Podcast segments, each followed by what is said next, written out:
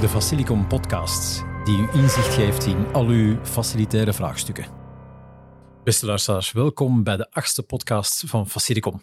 En ik heb in de studio vandaag Ivan Pelgrims, afgevaardigde bestuurder van Evonik België, Chris van Strijdonk, algemeen directeur van Facilicom België en mezelf, Guy als host. We gaan het vandaag hebben over duurzaamheid. De reden waarom we zitten is dat de duurzaamheidsaanpak binnen grote bedrijven ernstig aan het veranderen is. En omdat de maatschappij verwacht van iedereen dat we een goede inspanning leveren, zowel in de privé als in het bedrijf. En dat we rekening moeten houden met mens en milieu. Evonik is een grote speler in de chemiesector en in de haven van Antwerpen. En tevens een belangrijke en grote klant van Facilicom. Vandaag zijn we samen om het vooral te hebben over aantoonbare en toegepaste duurzaamheidsprojecten. De uitdagingen die liggen in chemiebedrijven zijn anders dan in de facilitaire wereld. En dat willen we samen ontdekken met Ivan en met Chris. We gaan gelijk met de deur in huis vallen, maar allereerst, dag Ivan. Dag Guy. Uh, ik ga beginnen met de eerste vraag voor jullie. Hoe is het duurzaamheidsprogramma van Evonik Antwerpen tot stand gekomen? Wel, Evonik Antwerpen is een belangrijke productievestiging binnen de Evonik Groep. En als productievestiging hebben wij steeds een focus gehad op energiekosten en efficiëntie. En het duurzaamheidsprogramma is dus organisch gegroeid vanuit deze focus. Scope 1 en 2 CO2-reductie intern, maar ook versterkt door een, een, toenemende vraag van klanten naar duurzaam geproduceerde producten, hetgeen dat wij Scope 3 noemen. Maar ook op vlak van de mens, concreet diversiteit en inclusie, daar zijn we reeds vele jaren actief in de zin dat we dit als werkgever en als waarde belangrijk vinden. En de jongste jaren is de focus zeer sterk verbreed, vooral door de recente maatschappelijke inzichten. En ik denk dan bijvoorbeeld aan biodiversiteit, bedreigde diersoorten, water of omgekeerd droogte. Uh, duurzaam ondernemen, thuiswerken, het omdenken ten gevolge van corona, dat heeft ons aangezet om toch wel echt anders na te denken over onze rol in de maatschappij. Ja, ik, ik zie er gelijk al heel wat parallellen Chris, met, met waar dat Facilicom heeft voorgestaan. Hoe is dat dan bij Facilicom tot stand gekomen? Ja, absoluut. Hè. Want uiteindelijk, als facilitair bedrijf, um, zit een lange termijn denken en duurzame partnerships in, gewoon ingebakken in ons DNA. En onze missie is niet voor niks samenwerken aan een betere leefomgeving voor iedereen. En als ik dan de, de beide bedrijfsmissies vergelijk, hè, die van Evonik, uh, tenzij ik me vergis, uh, Ivan, is uh, leading beyond chemistry to improve life today and tomorrow, ja, dan zie je dat we daar heel nauw aan elkaar zitten. En dan is het dus ook heel makkelijk om samen concrete initiatieven uit te werken, om daar ook gestand aan te geven. Ja. Nu, Ivan, je, je sprak daarnet um, over projecten. Uh, als we kijken naar binnen het ganse proces rond duurzaamheid, wat zijn jullie drivers geweest? Want jullie, zijn, uh, jullie spreken over scope hè, 1 en 2, scope 3, intern, extern. Hoe loopt dat proces wat zijn dan die drivers geweest? Het besef dat er dingen moeten veranderen. Uh, wij zijn inderdaad een zeer sterk technologisch bedrijf. Innovatie is belangrijk, maar je moet ook op de juiste thema's innovatief zijn. Uh, onze maatschappij, de natuur, staat voor serieuze uitdagingen.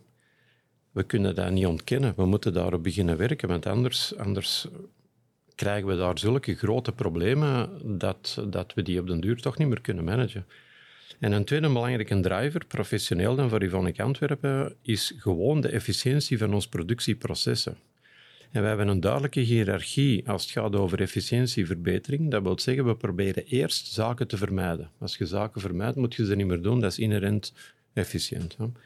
Dan je verbruik reduceren en daar waar het gaat, vergroenen. Hè. Uiteraard werken wij zowel aan de proceskant, maar ook aan de productzijde. Jullie gebruiken van ons producten, wij zullen die ontwikkelen, zodanig dat jullie die kunnen, uh, dat jullie die kunnen gebruiken. En de proceskant, dat wil gewoon zeggen efficiënter processen. Minder grondstoffen, minder energieën, meer impact uh, van het duurzaamheidsgehalte.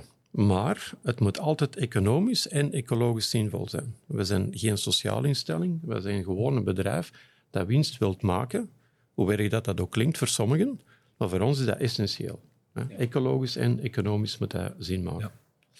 Ja. ja. want we zien inderdaad dat die maatschappij wordt allemaal veel eisender uh, als het over duurzaamheid gaat. Hè. Bedrijven staan meer onder druk. Crisis is dat iets waar dat je bij Facilicom ook herkent? zijn dat dezelfde drivers een beetje, of zitten die drivers toch wel anders? Ja, ik denk dat we zeer veel drivers delen. Hè. Natuurlijk, die, uh, die drang naar efficiëntie is voor ons uh, zeker ook belangrijk. En, en, en, zorgen dat we daar de juiste materialen en producten voor gebruiken. Maar als uh, dienstverlener hebben we natuurlijk nog één andere grote driver die, die belangrijk is. En dat is namelijk, we zijn een mensenbedrijf. en dus ook daar vandaar dat het voor ons ook belangrijk is dat duurzaamheid en sociaal, dat is eigenlijk onlosmakelijk met elkaar verbonden. En wij proberen dat te vertalen door uh, de nadruk te leggen vooral op het zorgdragen voor elkaar en ook op het werken aan een inclusieve samenleving. En gewoon een, ja, een, feit is dat we in onze populatie hebben we in België meer dan 100 nationaliteiten uh, aan het werk. Hè. Dus dat is het. Uh, en daardoor zijn we eigenlijk toch een soort van afspiegeling van de maatschappij. En dat is ook wel een, een belangrijk gegeven in onze line of business. Ivan, je had het daarnet over het uh, ecologische en het economische evenwicht, of het milieu-evenwicht en het economische evenwicht, ook over efficiëntie. Hoe uitziet dat dan in de realiteit voor Evonik Antwerpen? Wel, een groot deel van de realiteit bij ons is het feit dat uh, we hebben een verzameling van grote en kleine projecten om concreet aardgas, water en elektriciteit te besparen of te reduceren. Om alternatieve warmtebronnen te zoeken of aan te wenden in plaats van fossiele brandstoffen.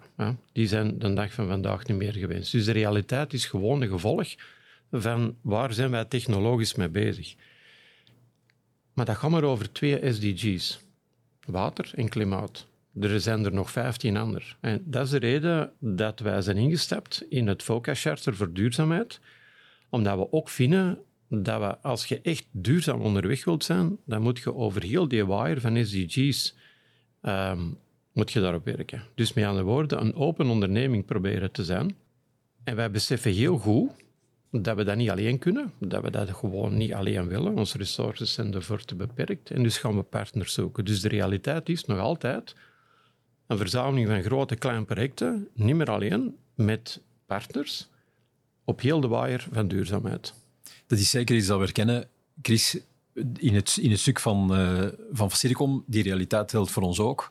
Hoe uitziet dat bij ons? Ja, zeker en vast. Hè. En ik ben, ik ben blij dat, uh, dat Ivan spreekt over een open onderneming en partnerships, want dat is uh, uiteindelijk waar wij ook kunnen ingrijpen in het, ja, toch het, het ondersteunend proces van, van onze klanten en zeker in, bij Ivonic dus uh, Ivan sprak van uh, er zijn maar twee SDG's uh, daarin, maar er zijn er natuurlijk heel veel meer. vanuit Facilicom hebben we complementaire SDG's aan Ivonic. dus wij, wij hebben ook een, een, drietal SDG's daarover uitgesproken, die dan vooral gericht zijn op inderdaad gezondheid, welvaart van onze medewerkers, inclusiviteit en zo verder. en dus is het heel goed dat we die complementariteit hebben en dat we elkaar zo kunnen helpen om onze gezamenlijke doelstellingen te kunnen, te kunnen realiseren.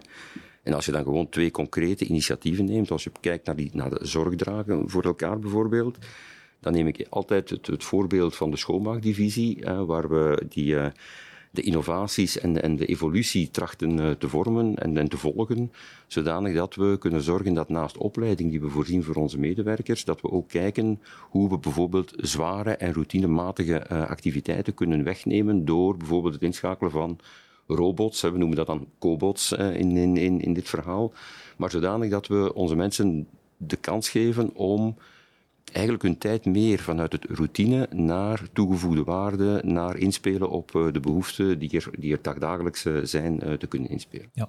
Nu, in de inleiding hebben we het gehad over aantoonbare en toegepaste duurzaamheid. Um, de voorbeelden die jullie aanhalen en, en de koppeling maken naar SDG's, dat gaat er zeker in helpen in dat proces. Nu, we hebben nog altijd, helaas zou ik zeggen, te maken met bedrijven die aan greenwashing doen.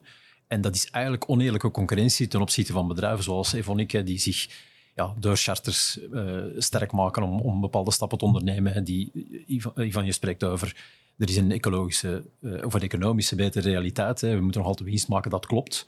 Maar het niet doen zal naar economie meer sens maken eh, op de korte termijn dan dingen wel doen.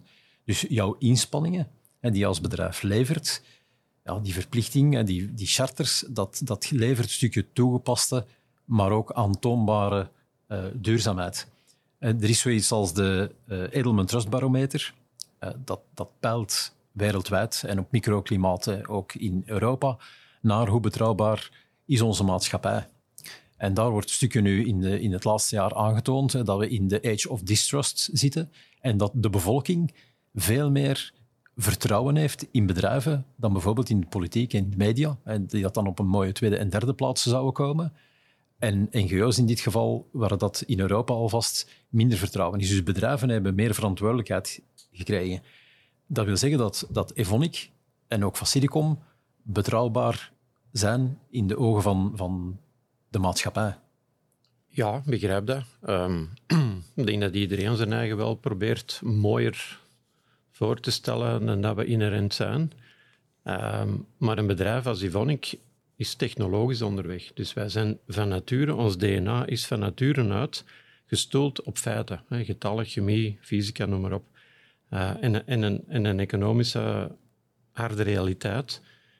We hebben mooie projecten, we hebben ideeën, er is nog veel werk aan de winkel, maar wij gaan nooit een presentatie geven over duurzaamheid als we dat niet kunnen waarmaken, als we daar niet achter staan. Wij komen uit voor ons mening, maar die mening is gewoon gestoeld op feiten. Dus ik, ik vind dat heel, heel goed, heel aangenaam, dat we geloofwaardig zijn, omdat dat is een van ons waarden, hè. geloofwaardig zijn, om, om nee, waar geraken we mee liegen? Nergens, hè? Nergens. Nee. Ik ga ineens een bruggetje maken, Chris, naar uh, een stukje de synergieën die we hebben uh, met, met onze klant uh, Evonik en naar de, de, samenwerking met onze divisie Food AI, die zorgt voor het bedrijfsrestaurant bij Evonik, maar ook een stukje over GOM, dat de schoonmaak verzorgt. Ehm, misschien kan je ons daar in meenemen wat, dat, uh, wat dat we daarin doen. Ja, ik, had al even gesproken over de schoonmaakdivisie, hè, dus onze activiteiten die we daar doen. Ja, wat we dan concreet bijvoorbeeld doen, is we gaan duurzame materialen gebruiken, we gaan kijken hoe we die water, uh, het waterverbruik kunnen, uh, kunnen gaan reduceren. Uh, en dus ik heb begrepen dat we inderdaad ook, ook producten gebruiken die eigenlijk hun oorsprong wel vinden bij Ivonic. En dat we eigenlijk op die manier uh, ja, de loop stil aan het maken zijn. Dus dat is, uh, dus dat is eigenlijk een, een mooi gegeven. Maar de belangrijkste, denk ik, switch die we recent aan het maken zijn, is met onze bedrijfshoreca, hè, met het concept van Food and Eye, waar die duurzaamheid gewoon ingebakken zit in het concept. dus vanuit het aanbod die we daar hebben, plant forward, duurzaam en lokaal, dan creëren we die, of proberen we toch die, die balans te creëren tussen het serveren van, van ja, vis, vlees, vegetarische, vegan, en dan eigenlijk ook nog op een hele creatieve en een ja, toch wel super lekkere manier. Uh, uh, want dat heb ik onlangs ook zelf mogen, uh, mogen ervaren. Dus dat is wel ook nog mooi meegenomen dan. Hè. Dus dat is het.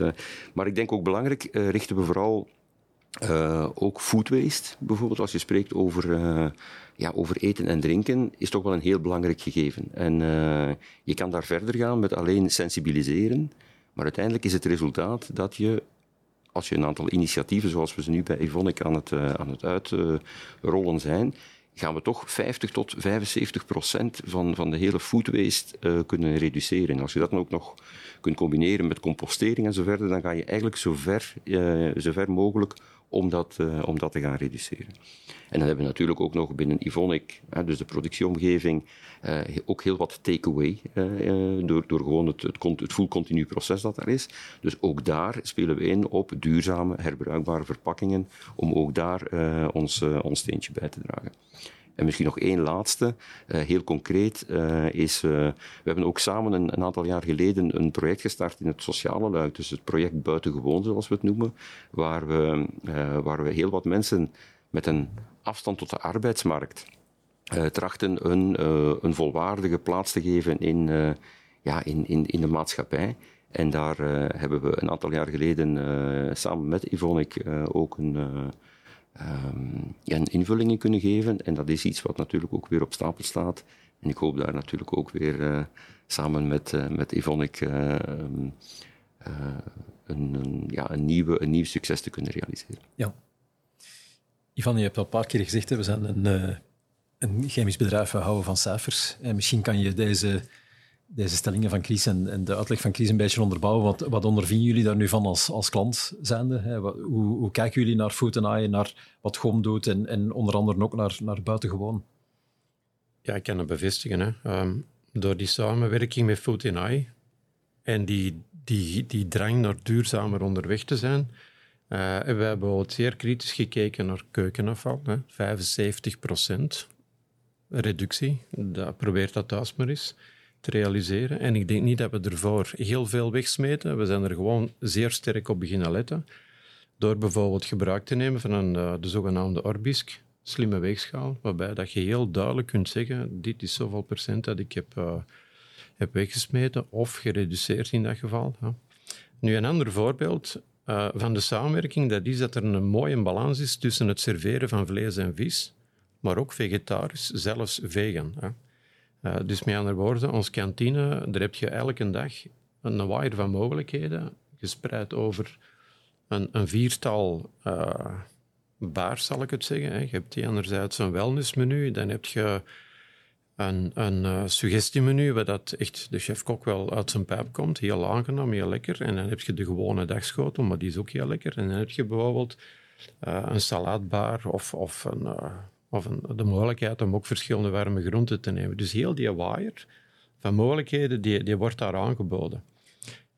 En ik denk, als ik me niet vergis, Ivan, dat, want dat is uiteraard de bereidingskant, maar dat er eigenlijk ook een, een link is tussen wat Evonik doet in zijn productieproces, in het, in het ervoor zorgen dat er betere voeding op het bord komt. Daar doen jullie ook jullie, dragen jullie een steentje bij, voorbij. Ja, we hebben zo'n aantal toepassingen. Hè. Uh, methionine. Methionine is een, uh, een essentiële aminozuur dat we produceren. En dat zorgt ervoor dat we dieren op een zeer eco-efficiënte manier uh, kweken. Vlees hebben we nodig, maar je hebt ja, je hebt reducties van tientallen procenten met eten, je hebt reducties van tientallen procenten met, met, met water. Een ander voorbeeld, dat is de fermentatieve productie van omega-3 vetzuren uit zeealgen. Dus wij zorgen ervoor dat de gekweekte zalm nu fermentatief gemaakte omega-3 vetzuren eten. Dus met andere woorden, wij kweken eigenlijk vegetarische zalmen, terwijl dat die in het wild vis eten. En dus moeten geen kleine wildvang niet meer doen, of wildvang van kleine vis, kril en dergelijke niet meer doen. Je geeft gewoon die beestjes een, een fermentatief gemaakt proces vanuit zeealgen. Dus dat is zeer uh, duurzaam. Ja, je, je, creëert eigenlijk een, een ecologisch evenwicht ja, ja, op, die, op die manier. Ja. Wat, wat, wat dat zeker mooi is, en dat sluit perfect aan in het verhaal van, van Food Eye, Ivan, want ja, wij proberen natuurlijk aan onze consument aan te tonen dat wat zij op hun bord krijgen één, voedzaam is, maar de duurzaamheidskant ervan proberen we ook te benadrukken. Ja, daar is er eigenlijk een perfecte synergie hè, tussen wat dat jullie doen en, en wat dat wij uh, doen. Hè. Ja, dat klopt. Dus dat is uh, een dikke merci aan, uh, aan Facilicom. Die, ons, we krijgen die commentaar ook. Hè. De, de, mensen die bij ons in de kantine gaan eten, die zeggen dat ook. Er wordt over gesproken, dat is lekker eten, dat is een brede waaier. Voor ons heeft dat ook het voordeel dat we een, een bestendiging kunnen geven van de producten die wij wereldwijd, niet alleen in Antwerpen, produceren. Ja. En je gaf daar straks al eventjes aan, hè, als we dan het, sprongetje maken naar, naar schoonmaak, ehm, dat een deel van de schoonmaakproducten ja, mogelijk ook van, van bij komen. Hoe, hoe zie je de link daar? Ja, dat is, een, uh, dat is een permanente ontwikkeling van nieuwe producten die op een duurzame manier worden ontwikkeld, die efficiënter zijn, die bio, biodiversiteit, biologisch gemakkelijker afbreekbaar zijn. Uh, rhamnolipide is een voorbeeld waar we nu zeer sterk op inzetten. Dat gaat in een hele hoop zeepen, shampoos. Ik kan me indenken dat dat ook bij jullie op termijn bij de zeepen zal worden gebruikt. Dat is gewoon een, een, een verbinding die dat je in sterk gereduceerde concentraties moet gebruiken. En die zijn perfect biologisch afbreekbaar. Het zijn producten die je in de natuur vindt. Ja, mooi, mooi. En we hebben het ook gehad, eh, Chris haalde het aan van het, het project uh, Buitengewoon, dat we gestart zijn ondertussen een, een, jaar of drie geleden, denk ik, hè, dat nu nieuw leven wordt uh, ingeblazen. Um, dat initiatief hebben we ook bij jullie uitgerold destijds. Kun je daar misschien nog kort iets over zeggen? Op een zeker moment hebben jullie aan ons de vraag gesteld of wij mee zouden willen werken aan een traject om kansarme vluchtelingen in te schakelen in het, in het proces van schoonmaken, in het proces om in de kantine, in het bedrijfsrestaurant te werken. We zijn er direct op ingestapt, omdat dat is niet alleen duurzaam, dat is gewoon mooi. Hè. We, we, hebben hier door allerlei omstandigheden zeer veel vluchtelingen. Die mensen die verdienen ook een toekomst. ja, dus bij ons is dat een open deur die wordt ingetrapt. Daar zijn we ook direct op ingegaan. Ik heb ook begrepen dat dat een zeer uh, efficiënt traject is geweest naar die mensen toe. Efficiënt klinkt een, klinkt een beetje raar, maar sociaal verantwoord zal ik het dan maar noemen.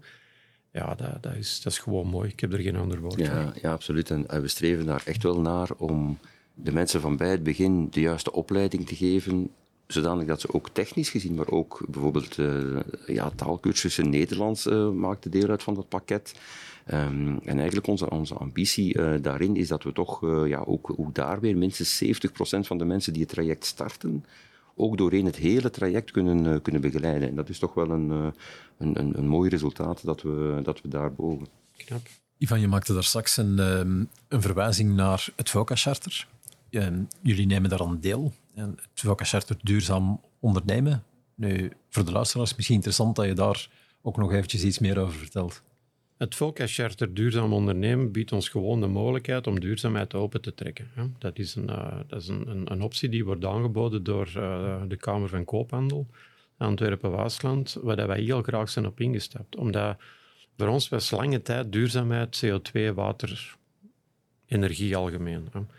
Um, maar als je duurzaam onderweg wilt zijn, als je echt zegt van ik ben een onderneming die dat duurzaam wilt uh, onderweg zijn, ja, dan moet je, op een, moet je nog eens op die 17 SDG's beginnen werken. En uh, het is dus ook een mogelijkheid om een keer getoetst te worden aan hetgeen dat wij denken, aan hetgeen dat wij willen, aan de doelstellingen die we voorop zetten. En dan word je, van, dan word je gechallenged.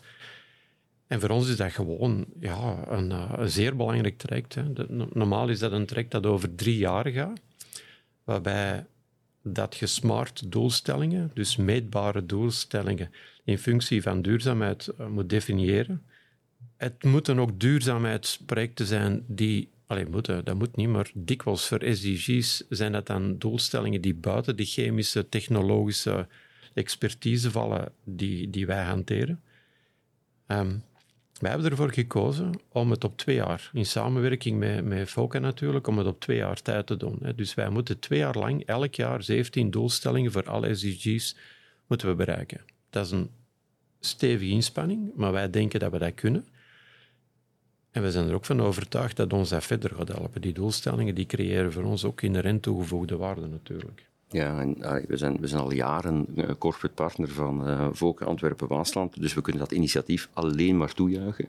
En dan wordt het heel concreet dat we ja, jullie zeker en vast gaan helpen om, ja, om al die SDG's met, met projecten daar uh, mee te gaan ondersteunen. Dus je kan op ons rekenen. Die, jullie zitten al in de doelstellingen, dus we zullen dat samen wel kunnen realiseren. Dat ja. verwondert me niet. Ivan, ik hoor jou heel veel spreken over die doelstellingen en, en je spreekt zelf, het is een, een verkort traject van twee jaar. Je ligt jezelf heel veel druk op.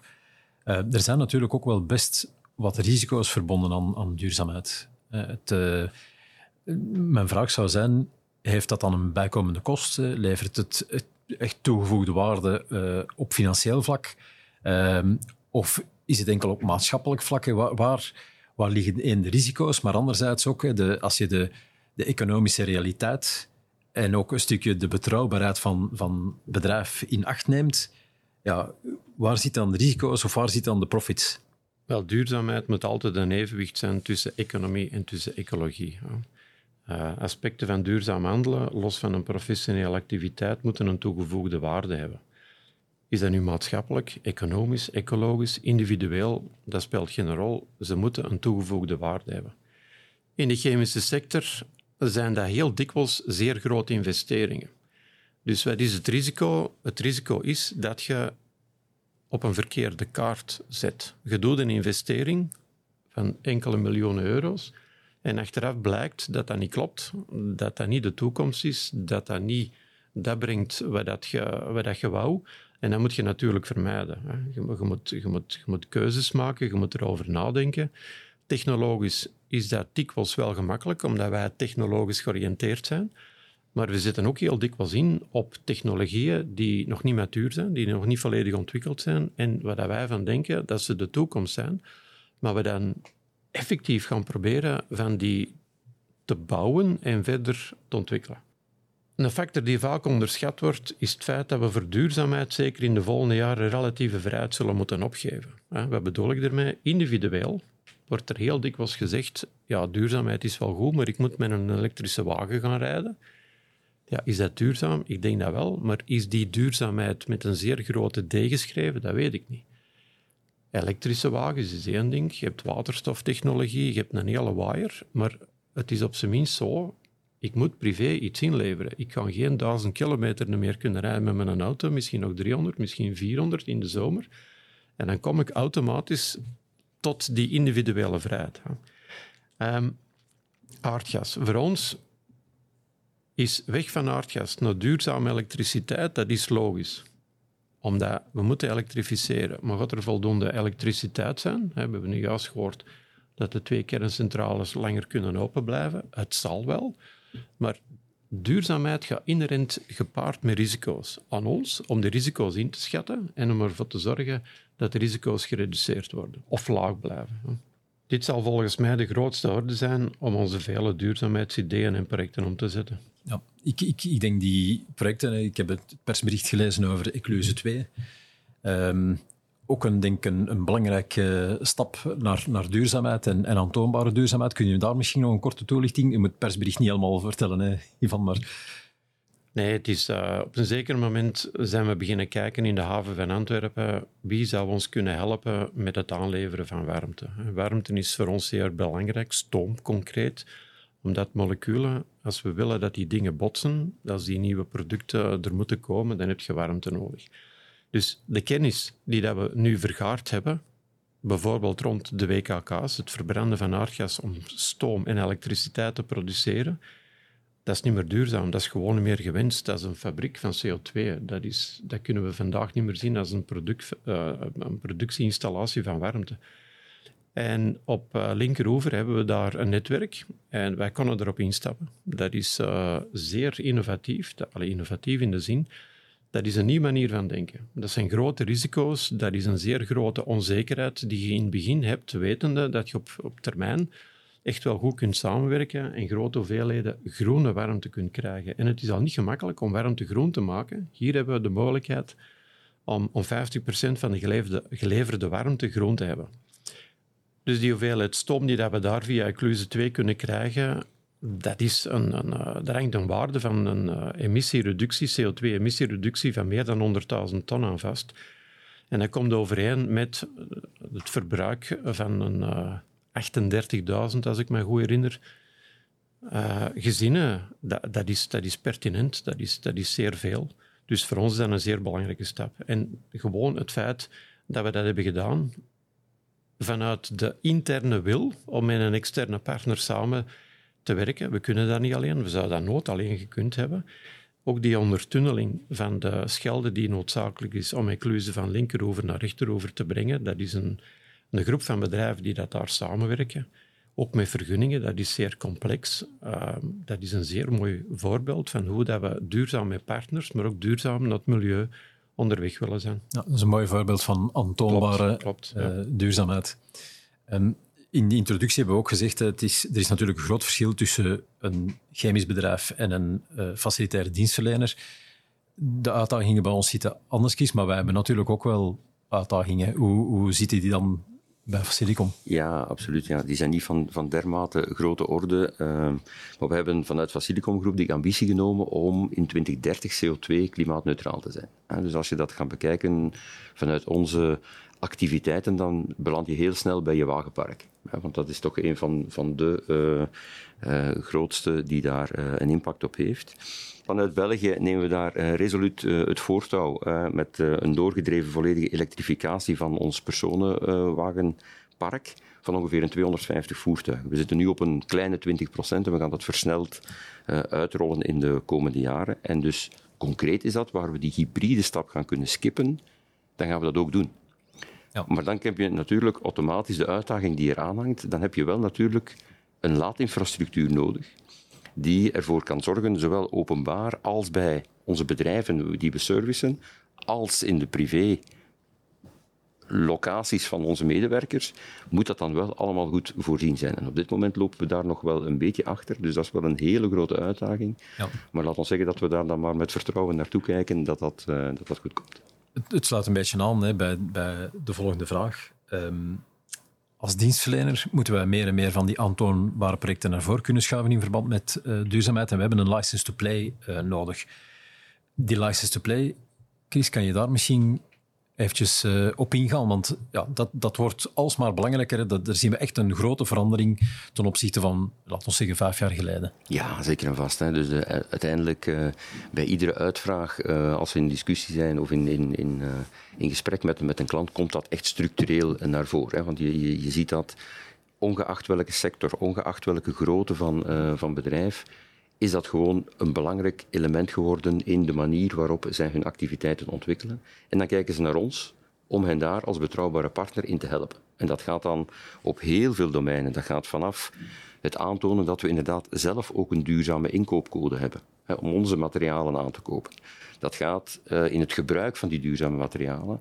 Dat gaat naar wat doen jullie om bijvoorbeeld het waterverbruik te minimaliseren. In, uh, dat, dat, zijn elementen, opleiding, sociaal welzijn, noem maar op. Dus er zijn heel veel aspecten die gevraagd worden, maar steeds altijd, en dan komt het denk ik op een, op een punt ook, toepasbaar. dus toepasbaar en aantoonbaar. dus het, het verhaal van grote uh, ambities ja, wordt eigenlijk heel snel doorprikt, want we vragen heel, of er worden heel uh, vaak gewoon van ja, toepasbare bewijslast, uh, wordt, daar, uh, wordt daar wel degelijk meegenomen. Dus dat is een, een license to play om gewoon maar mee aan de tafel te kunnen komen uh, ja. bij, onze, bij onze klanten. Ja. Ivan, als ik, als ik naar Evonie kijk, daar is het niet license to play, maar license to operate. Als jullie bepaalde zaken, aan bepaalde zaken niet voldoen, ja, kunnen jullie eigenlijk jullie business niet runnen. Klopt. Vanuit het uh, Evonie-concern wil men een tegen 2030 minimaal 50% van de producten produceren die een directe toegevoegde waarde hebben aan duurzaamheid. Dat zijn voor ons de zogenaamde next-gen solutions, next generation solutions. Uh, op dit moment ligt dat bij 43%. Dus wij zijn al een heel stuk opgeschoven in de richting van duurzame producten, maar dat moet nog beter. En de markt, onze klanten, die verwachten dat ook. Hè. Die verwachten duurzame producten. Jullie zullen de niet duurzame producten gewoon bij ons niet meer kopen. Dus jullie vraag pusht onze productie, onze innovatie. En dat is, dat is eigenlijk een, een, een synergie die vanzelf loopt.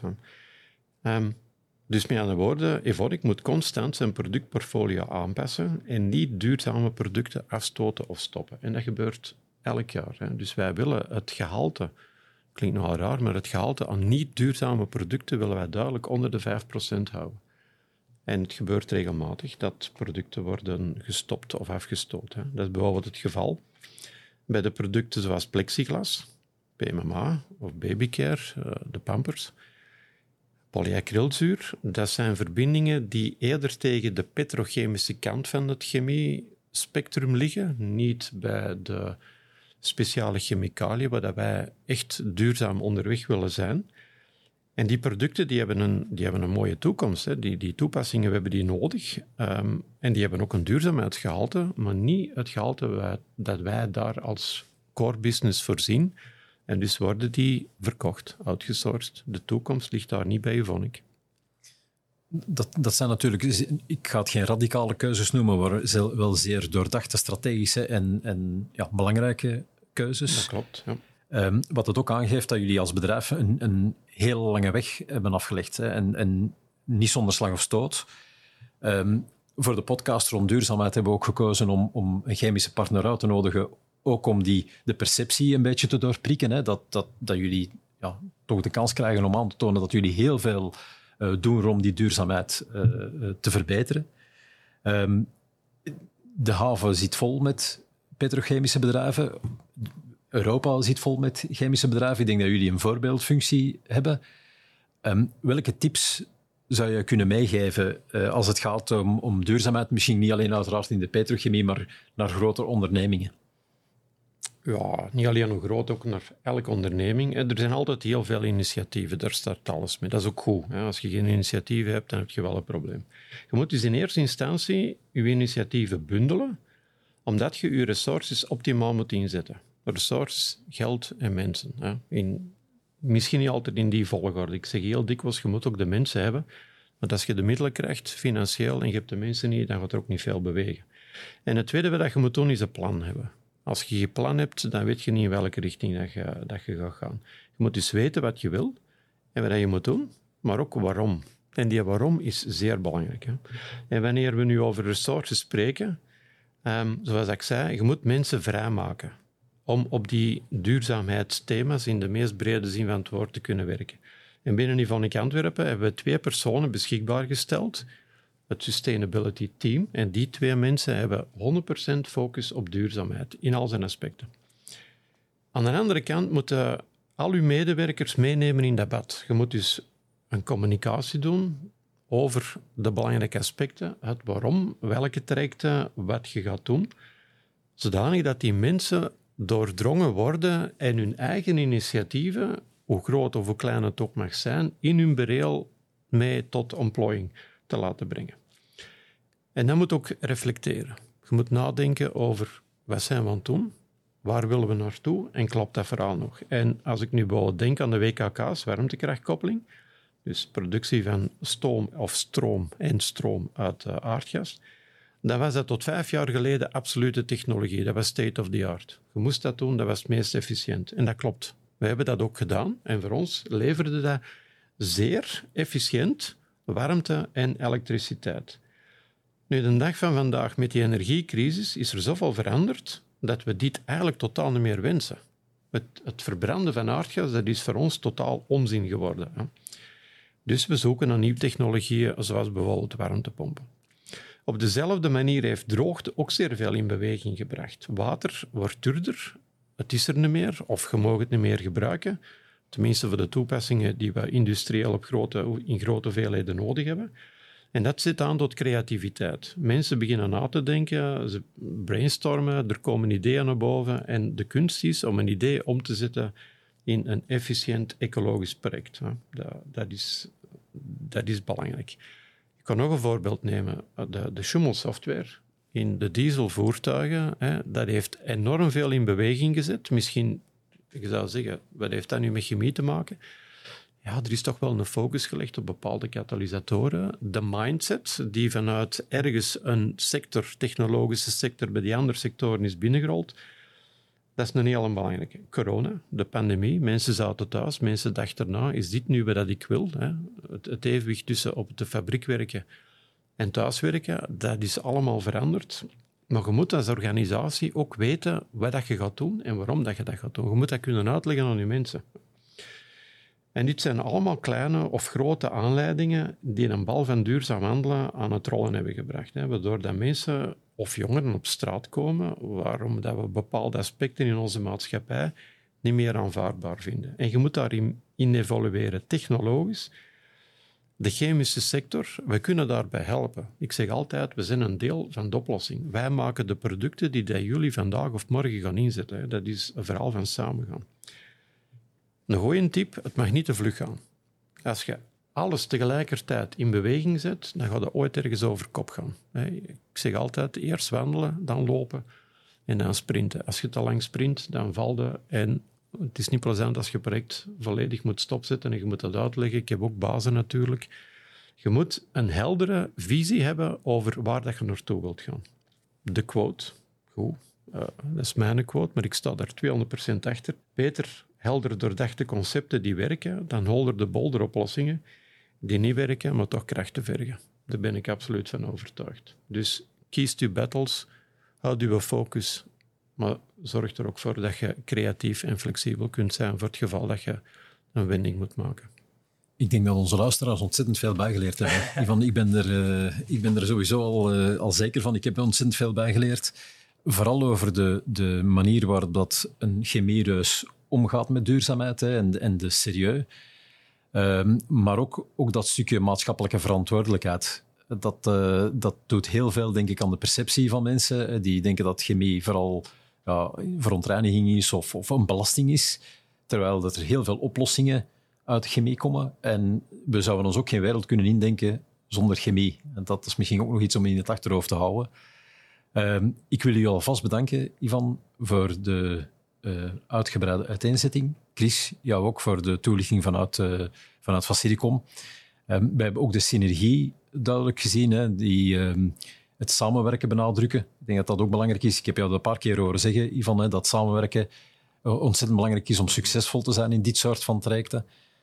dus ja, dat is een mooie afsluiter. Heren, bedankt voor het gesprek en tot een mogelijk een volgende keer. Zeer graag gedaan. Graag gedaan.